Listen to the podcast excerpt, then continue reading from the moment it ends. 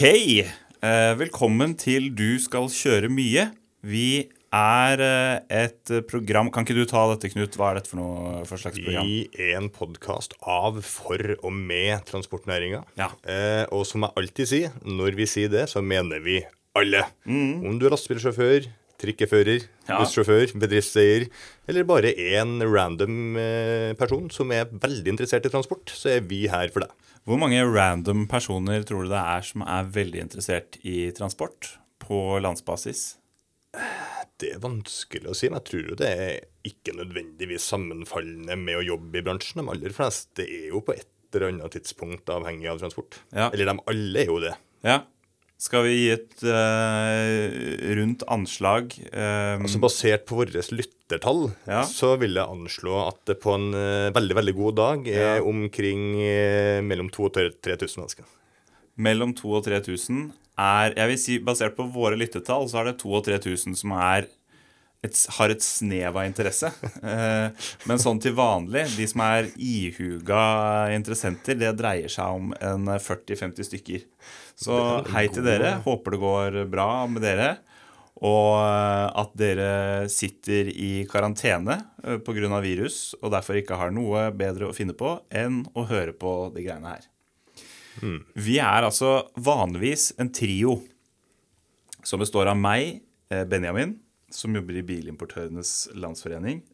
Usympatisk trekk å begynne med seg selv, jeg vet det. Ta meg i det, for seint å gjøre noe med det nå. Og så er det deg, Knut. Du jobber i Jobber i Norges Lastebileierforbund. Ja. Som er for de som eier lastebiler.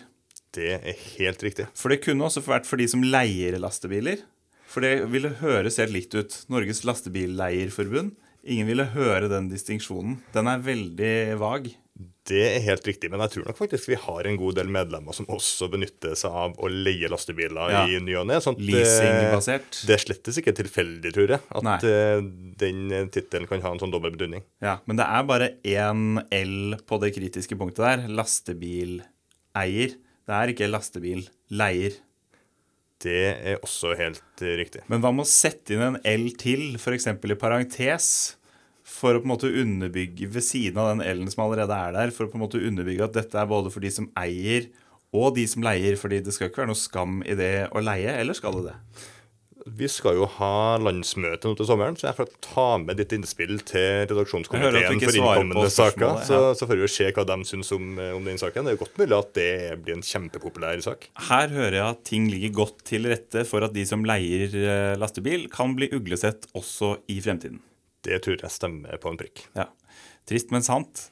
Eh, Den tredje personen, som også pleier å være her, han heter Stein Inge Stølen. Eller eh, på litt morsom, hvis man sier på litt sånn morsom norsk-engelsk, så Stein Ingest Ølen.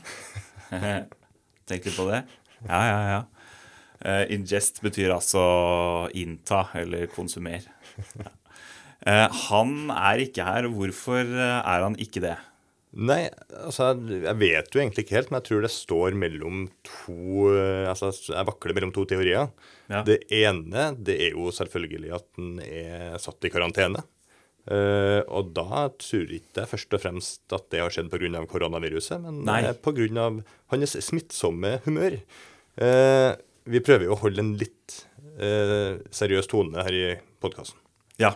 Eh, d eh, men det var to muligheter, sa Det er det, og den sannsynligheten som jeg kanskje holder eh, min knapp på, er jo at han har blitt tatt av dage av noen som jobber i Blantana. Ja, det stemmer. Eh, han står ikke spesielt høyt i kurs i den leiren. Nei, altså Eh, generelt, de som driver med snusk, eh, har ikke så mye til overs for Stein Inge. Og det er jo kanskje en gruppe man kan på en måte leve med og være litt på kant med. Ja, eller er det kanskje Eller kan man det man ikke kan? Ikke kan. ja, ja. Nei, men han lever jo eh, Det er gode grunner også til at han skal være i karantene. Han lever jo i en slags eh, petriskål, et reagensrør, et forsøksmiljø der hjemme med to små barn. Og som vi vet, så har barn en tendens til å absorbere det som er av virus og bakterier i luft og omgivelser, og, og dyrke frem disse sykdommene inni kroppen sin, for så å spre dem ut til sine nærmeste på aller mest eh, eh, hva skal jeg si, voldsomme vis eh, gjennom kroppsåpninger osv. Ja. Ja. Det er vel først og fremst derfor man får barn. Ja, eh, for å øke flokkimmuniteten. Mm, noe sånt. Ja, For å bli eksponert for mest mulig greier. Nei, så der tror jeg at det er Det kan være Det kan selvfølgelig være koronavirus, men sannsynligvis så er det jo også alle andre virus som er mulig å få tak i for tiden. Kanskje til og med også virus som vi trodde var borte. Det kan, kan godt hende det går i spanskesyke. Eh, svartedauden, for alt vi vet, kan ha blusset opp igjen hjemme hos eh, Stein Inge. Du vet aldri. Eh, ting kan skje når man bor tett og, eh, og har barn som eh, går i barnehage. Ja. Det var falsk alarm, altså. Det var vann i, var i vrangstrupen. Finn spriten! Det hadde vært gøy å hete det. ja.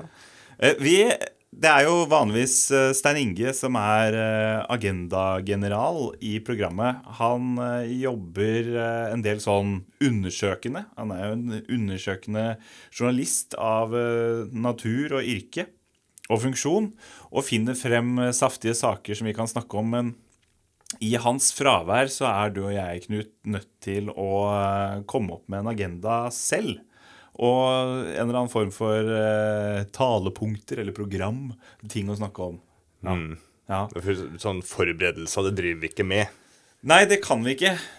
Det har vi ikke ressurser til, dessverre. Eh, Du gjør så mye viktig resten av tiden, så du har ikke tid til det. Og jeg eh, er ikke her resten av tiden, så da får ikke jeg heller gjort det. Så da eh, har jeg ingen følere der ute. Så betyr det at vi starter på absolutt eh, bar bakke, eller hvor vil du begynne? Nei, altså det jeg tenker kan være et interessant eh, sted å begynne, er jo egentlig eh, koronaviruset. Ja. Eh, for det er jo sånn at eh, koronaviruset påvirker jo veldig, veldig store deler av samfunnet. Og det er ikke sånn at kun dem som får påvist korona, kan få utfordringer med det. Nei, for det er vel egentlig paradoksalt nok, så er det jo de som blir smitta av viruset. Eh, de blir jo liksom bare litt groggy om å være hjemme. Eh, det er alle disse tiltakene som blir satt i gang pga. viruset, som rammer folk. Ja, ikke sant? Og jeg tenker jo at eh, er jo veldig glad i sånne litt sånn postakopalyptiske eh, filmer og TV-serier og sånn, så jeg ser jo litt for meg at det her kommer til å spre seg som ild i tørt gress. Ja. Eh, og plutselig så er nesten alle sammen satt i karantene. Og hva trenger man da? Jo, man trenger å få levert ting på døra. Ja, Så jeg tenker jo egentlig at koronaviruset er noe av det beste som har skjedd transportnæringa eh, siden julet ble oppfunnet. Nemlig. Pluss, kanskje ekstra pluss, at i og med at eh, produksjonen av alt mulig krimskrams som de lager i Kina, eh, nå har blitt eh, forsinket eller innstilt pga. at der har de hatt eh, eh, 170 millioner mennesker, leste jeg på lockdown. Altså at de har vært, fått beskjed om å være hjemme og ikke få lov å gå ut. Og det gjør noe med produktiviteten, altså, når du setter såpass mange i karantene. Så da, da må vi jo også produsere eller handle mer lokalt nødvendigvis etter hvert. Hvis ikke vi får tak i ting eh, fra Kina. Det er jo helt riktig. Og så tenker jeg også det som er veldig positiv, eh, positivt for vår næring, det er jo nettopp det at du faktisk kan kombinere karantene med å være på jobb. Ja. Siden man har sin egen lille karanteneboks i form av førerhuset, der man sitter alene, i hvert fall hvis man kjører da godsbil. Det er jo litt interessant tanke. Hvis nesten hele befolkningen blir satt i karantene pga. virus, er det ikke da de i praksis de som ikke er i karantene, som er i karantene? Altså hvis normalen er å være i karantene. Hvis flertallet er der, da er det jo de andre som er de få, som er de utstøtte, på en måte. De som er i kar- karantene, kan jo henge sammen så mye de vil, på en måte. Det er faktisk helt riktig. Det blir litt som en sånn der motsatt zombiefilmaktig greie. Det er dem som driver og vandrer rundt på gata. Det er på en måte dem som er friske. Ja. dem, det er jo dem som har det kjipt. Ja. Hvis du er en ensom eh, sjåførulv som ferdes mye rundt alene i ditt eget førerhus, så er jo du kanskje en av de som er minst utsatt for å få dette viruset, og som derfor vil være den eneste som kan bevege deg rundt ute etter hvert, hvis alle andre får viruset og får beskjed om å være hjemme. Eh, og da, da vil jeg tenke sånn Nyt det. eh, interessant studie å, å være i eh, altså et samfunn uten eh, mennesker. Eh, litt sånn postapokalyptisk, som du sier, og også så lite kø, gitt. Ja, ja, og er det noe vi har lært av, av dokumentarfilmserien eh, Mad Max, så er det jo at det er den som har den største bilen med mest drivstoff på tanken, som er kongen på Haugen. Stemmer. Og der stiller jo vårt kjernepublikum jævlig godt. Ja. Altså Særlig de som kjører tankbil. da Som Hvis det blir prekært, og du har en tankbil som tilfeldigvis er lasta med diesel, så er det jo bare å koble en slange fra, tanken, altså fra den store tanken og ned i drivstofftanken, så kan du kjøre evig. Ja, Det som, det som er litt dritt, er at du er også da gjerne den som alle prøver å få tak i. Sånn at når det virkelig liksom har Ja, det til, så vil du jo føle litt på det jaget. Da er du et mål, ja. Ja, Så Mm. du vil kanskje ikke være den med tankbilen, men du kan kanskje være den som suser rundt med et hermetikk og har en jævlig stor tank. ja. Altså, hvis du har, fall hvis du har en tankbil, eh, gjør deg noen tanker om hva du gjør hvis dette skjer. Uh, jeg ville da prøvd å bare befinne meg på et eller annet eh, La oss si i Tyskland, da, hvor du kan kjøre mer eller mindre uavbrutt på motorvei, kanskje i sirkel til og med, og så bare holde jevnt 90 eh, til alle andre har gått tomme for drivstoff. Eh, for da er du jo trygg. Da kan du roe ned. Ja. Men så kommer jo på en måte til slutt den her litt sånn erkjennelse av at det man har drevet og flykta fra, er i de aller fleste tilfeller ei mild forkjølelse. Og da vil det kanskje føles. Ja, da vil det føles litt sånn rart da, når du har liksom Ja. hvileløst kjørt rundt omkring i Europa og, og eh, har tatt på seg SM-utstyr, for det må man også gjøre, Der har jeg lært i Madmax. Ja, ja, ja, ja. Eh, så er jeg plutselig liksom bare Og så kommer plutselig sjefen din tilbake fra karantene og lurer på hvorfor du har brent av 5000 liter diesel fra den store tanken som du egentlig skulle levere. Og så får du trøbbel med det. Ja, Så blir det trukket fra lønna di. Og det vil du ikke. nei. Men du har hatt det jævlig gøy på veien. Ja, du har det. Håper du har dashcam. Hvis du har det, legg ut videoen. Ja. OK. Eh, korona, check. Hva annet, eh, hva annet er som rører seg for tiden? Er det, sånn, det noen sånn politikkting som er interessant? Nei, altså, for å, for å ta en litt mindre kødden approach da, til hva som eh, rører seg rundt omkring i verden, så er det sånn at For du er jo egentlig en gravalvorlig type. Ja, egentlig. Altså, jeg liker egentlig veldig godt å bare være sånn kjempealvorlig og snakke om tall og statistikk og sånn. Ja. Uh, og da hadde jeg flaks, fordi litt tidligere den uka Det er litt sånn, Hvis jeg skal kjede meg, så pleier jeg å ringe deg. Ja. ja. Uh, nei, altså det er jo sånn at vi eh, i NLF samarbeider jo også med, med fagforeningene. Uh, og en av dem, Yrkestrafikkforbundet, de slapp ganske nylig nå eh, resultatet av eh, si grenseundersøkelse.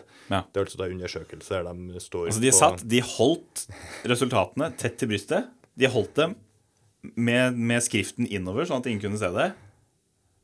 Og så slapp de det. Ja, nå har de sluppet det. De har til og med vært på radio og, prata om det her. Det er sånn jeg ser for meg når de snakker på Husker jeg hørte på sånn Ti i skuddet på radioen da jeg var liten, og sånn, så var det sånn ja, Nå har Aqua sluppet en ny singel. Og da så jeg liksom for meg at Aqua-Lena har stått og tviholdt på en singel til hun bestemmer seg for å bare Nei, nå slipper jeg den. Og da kan alle høre den. Ja. Du var ikke et spesielt oppvakt barn. Nei. Men, eh, men det har de i hvert fall gjort. Altså, de har da sluppet eh, den undersøkelsen sin.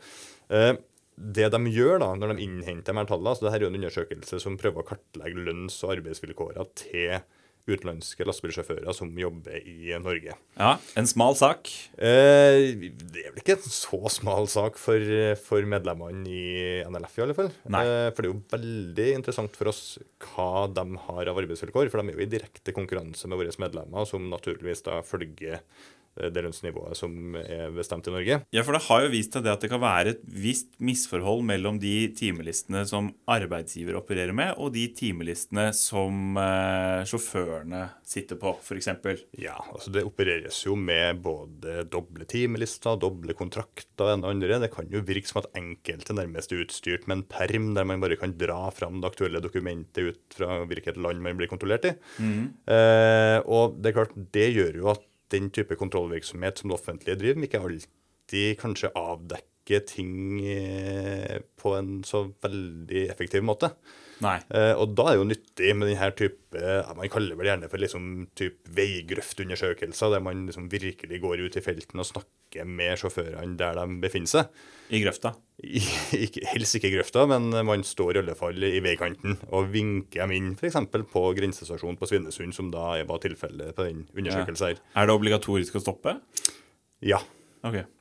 Altså ikke for undersøkelser, men uh, du får nok litt pass hvis du bare durer forbi tollet. Ja, ok. Nei, det bare, eh, det bare hørtes litt sånn koselig ut å bli vinket inn. Ja, nei, Står noen og det er jo og så Ja, og det er, jeg tror nok veldig mange syns det er litt koselig også, når de eh, finner ut at det er noen som eh, stanser deg for å gi deg beskjed om at du har krav på mer penger i lønningsposen din, du. Ja. Det syns jo de fleste er positivt. Har du inntrykk av at de fleste vet at de egentlig skal få bedre betalt, men, eh, men eh, på en måte føler at ikke de får gjort noe med det? Nei, altså det er jo det som er litt interessant, fordi man har jo hatt forskjellige, forskjellige mm, informasjonsopplegg som man liksom har prøvd å nå utenlandske lastebilsjåfører med. Eh, Men det har jo da stort sett blitt produsert på språk som er altså, innafor EØS-området. For det er jo dem vi egentlig som har adgang som sjåfører. Ja. Men det som på en måte brer om seg, det er jo at man henter inn sjåfører fra utenfor EØS. Sant? Det er jo filippinere, og det er hviterussere, og det er ukrainere. Eh, og så mitt, meg bekjent i alle fall, så har ikke man laga så mye Altså Man har ikke gjort så mange framstøt for å nå de sjåførene, siden de i utgangspunktet egentlig ikke har tillatelse til å være her. Nei. Så du taper på, på to fronter, egentlig, da. Det kan man si. Ja. Men, men det som i alle fall er sikkert, er at bl.a. Polen de eh, bruker jo eh, det handlingsrommet de har, til å hente inn sjåfører fra utenfor EU. Og så tar man gjerne da og plasserer de her sjåførene i typ fast tredjelandskjøring i Skandinavia. Eh, uten at de egentlig får den lønna de skal ha når de utfører kabotasje i det enkelte land. Så skal ikke jeg begynne å gå veldig inn i de forskjellige reglene på forskjellig kjøring og sånn, men det som i alle fall er helt klart, er at så lenge de kjører innenlandsoppdrag, så kabotasjeoppdrag, så skal de ha norsk minstelønn. Eh, og det de fant ut da, når, når YTF kjørte denne spørreundersøkelsen, det var ganske nedslående. For da var det faktisk sånn at 95 av de utenlandske sjåførene de snakka med, kunne fortelle at de ikke fikk den lovpålagte lønna. Så de fikk mindre enn man egentlig skulle hatt. Ja. 95. 95 Ja. Det er så nært 100 at det er veldig, veldig trist. Men det er nesten, for jeg er så vant til å høre om dette nå, at jeg er nesten litt mer nysgjerrig på hvem de fem siste prosentene er. Så hvorfor i all verden får de det de har krav på? Hva slags arbeidsgiver, hva slags idiotiske arbeidsgivere er det de har, som, som de kunne jo betalt mye mindre? Det er jo lov å håpe at de kanskje har en arbeidsgiver som har blitt tatt, Ja. eh, og som har skjønt at det faktisk eh, straffer seg eh, å drive med snuskerier. Eh, eller det kan være en eh, arbeidsgiver som faktisk har en ansvarlig transportkjøper, som eh, sier ifra at når dere kjører for oss, så skal sjåføren ha den lønna, sånn arbeidsforhold, punktum. Ja. Hvis ikke du greier å gi det, så er ikke vi interessert i å drive butikk med. Altså, jeg har Jeg husker jeg var på Filippinene, så så jeg sånn stort reklameskilt hvor det sto 'Latvia' med store bokstaver. Eh, og, og det var sånn uh, 'Lev den europeiske drømmen'. Latvia. Uh, 'Truck drivers wanted'. Så filippinere er jo filippiner og har lastebilsertifikat. Og det kan du Det er en ganske smal sak å få kjøpt på ditt lokale transportmyndighetskontor. Så var det bare å gå inn på dette arbeidsformidlingskontoret som lå der, og, og søke om jobb i Latvia. Mm. Og det tror jeg var eh, det, så jeg, har ikke møtt på mange filippinske sjåfører i, på min vei i Norge.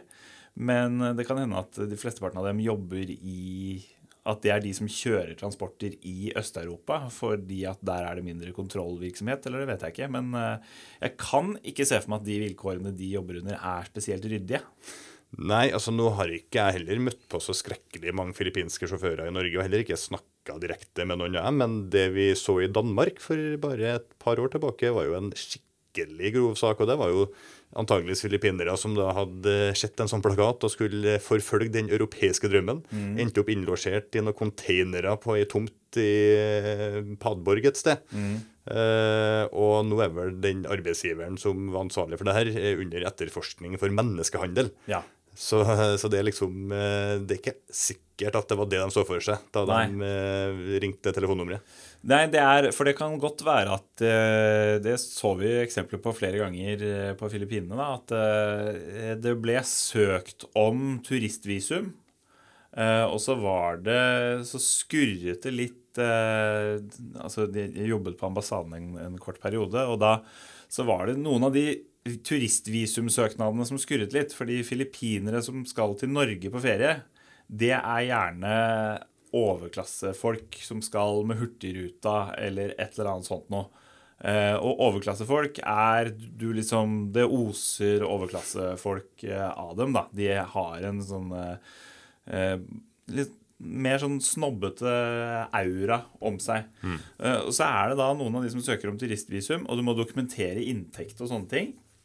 Uh, og så er det ting i de der bankdokumentene da, særlig som ikke henger på greip. Det er flere ting som ikke henger på greip, f.eks. at de kommer fra en liten landsby utenfor, uh, utenfor storbyene. Er, der er det veldig uvanlig å ha god inntekt. Mm. Og så har du uh, kanskje en kontoutskrift hvor uh, det har kommet veldig mye penger inn på konto for veldig kort tid siden. for som akkurat tilsvarer det minimumsbeløpet som egentlig er kravet for å få turistvisum. Du må dokumentere eh, at du har midler omtrent tilsvarende 90 000 kroner, tror jeg. Mm. Eh, disponible midler. Og dette er da mennesker som etter alle solemerker sannsynligvis ikke har disponible midler i den, i den mengden der, og som også veldig nylig har fått dette inn på konto. Eh, fra da litt sånn anonym giver, og hvor de har en eh, litt sånn eh, spektakulær historie om at uh, en eller annen slektning har gjort et eiendomssalg eller et eller annet sånt noe. Men ting henger ikke på greip. Og da har det jo ofte vist seg da, at det er da agenter som gjør en eller annen avtale her, så du får de pengene inn på kontoen din for at den visumsøknaden skal gå gjennom. Og så er du da umiddelbart skyldig å betale tilbake de pengene etterpå med renter. Mm. Og de rentene tar aldri helt slutt. Eh, så når du da kommer til Europa og da begynner å jobbe, og det er her menneskehandelbiten kommer inn Du søker om turistvisum, men de skal jo egentlig jobbe. Mm. Kommer de til Europa, begynner å jobbe, eh, får beskjed om at eh, de er der ulovlig, så hvis de kontakter myndighetene, så vil de få trøbbel.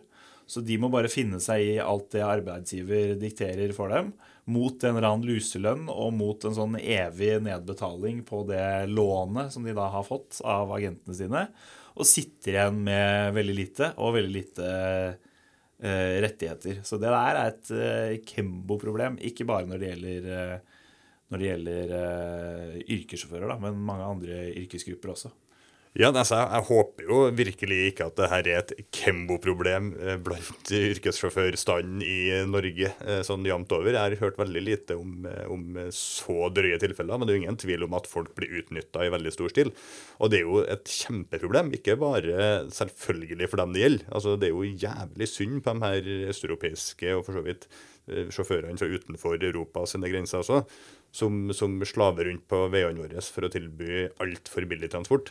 Eh, men det er jo også veldig trist fordi det bidrar sterkt til en sånn nedadgående spiral. da, Der det egentlig ender opp med et sånn skikkelig race to the bottom, der alle prøver å kutte prisene for å henge med i konkurransen, så ender det egentlig opp at alle taper. Mm. Bortsett da så klart fra den her uh, sleske fyren i enden av, uh, av, rekka som sitter og bare håver inn uh, overskuddet. Ja, ja. Og, og, er såpass fjernet fra realitetene at en eventuell straffeforfølgelse skal gå ganske langt før den kommer helt til ham.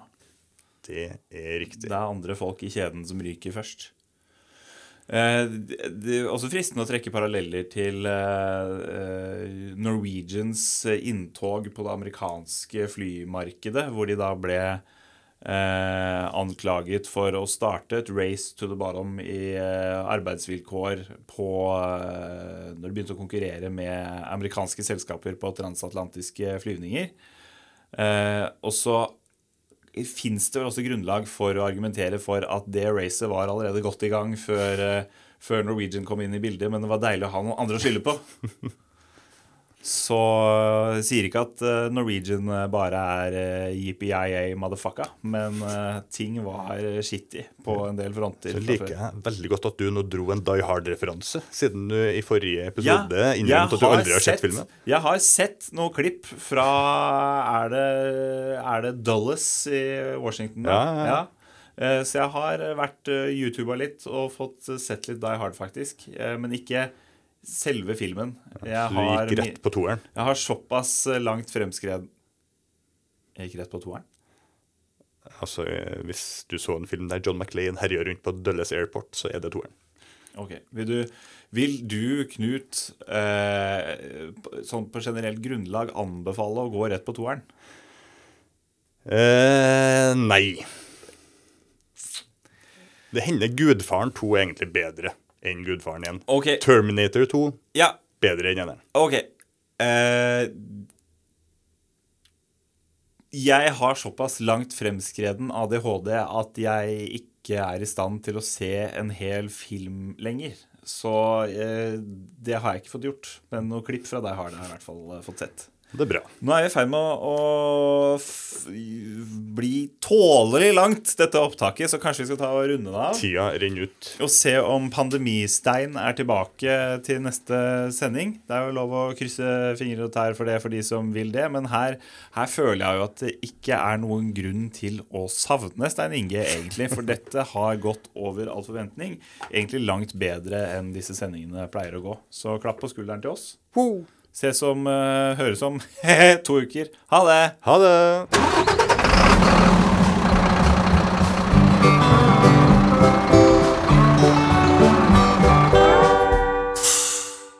Woo.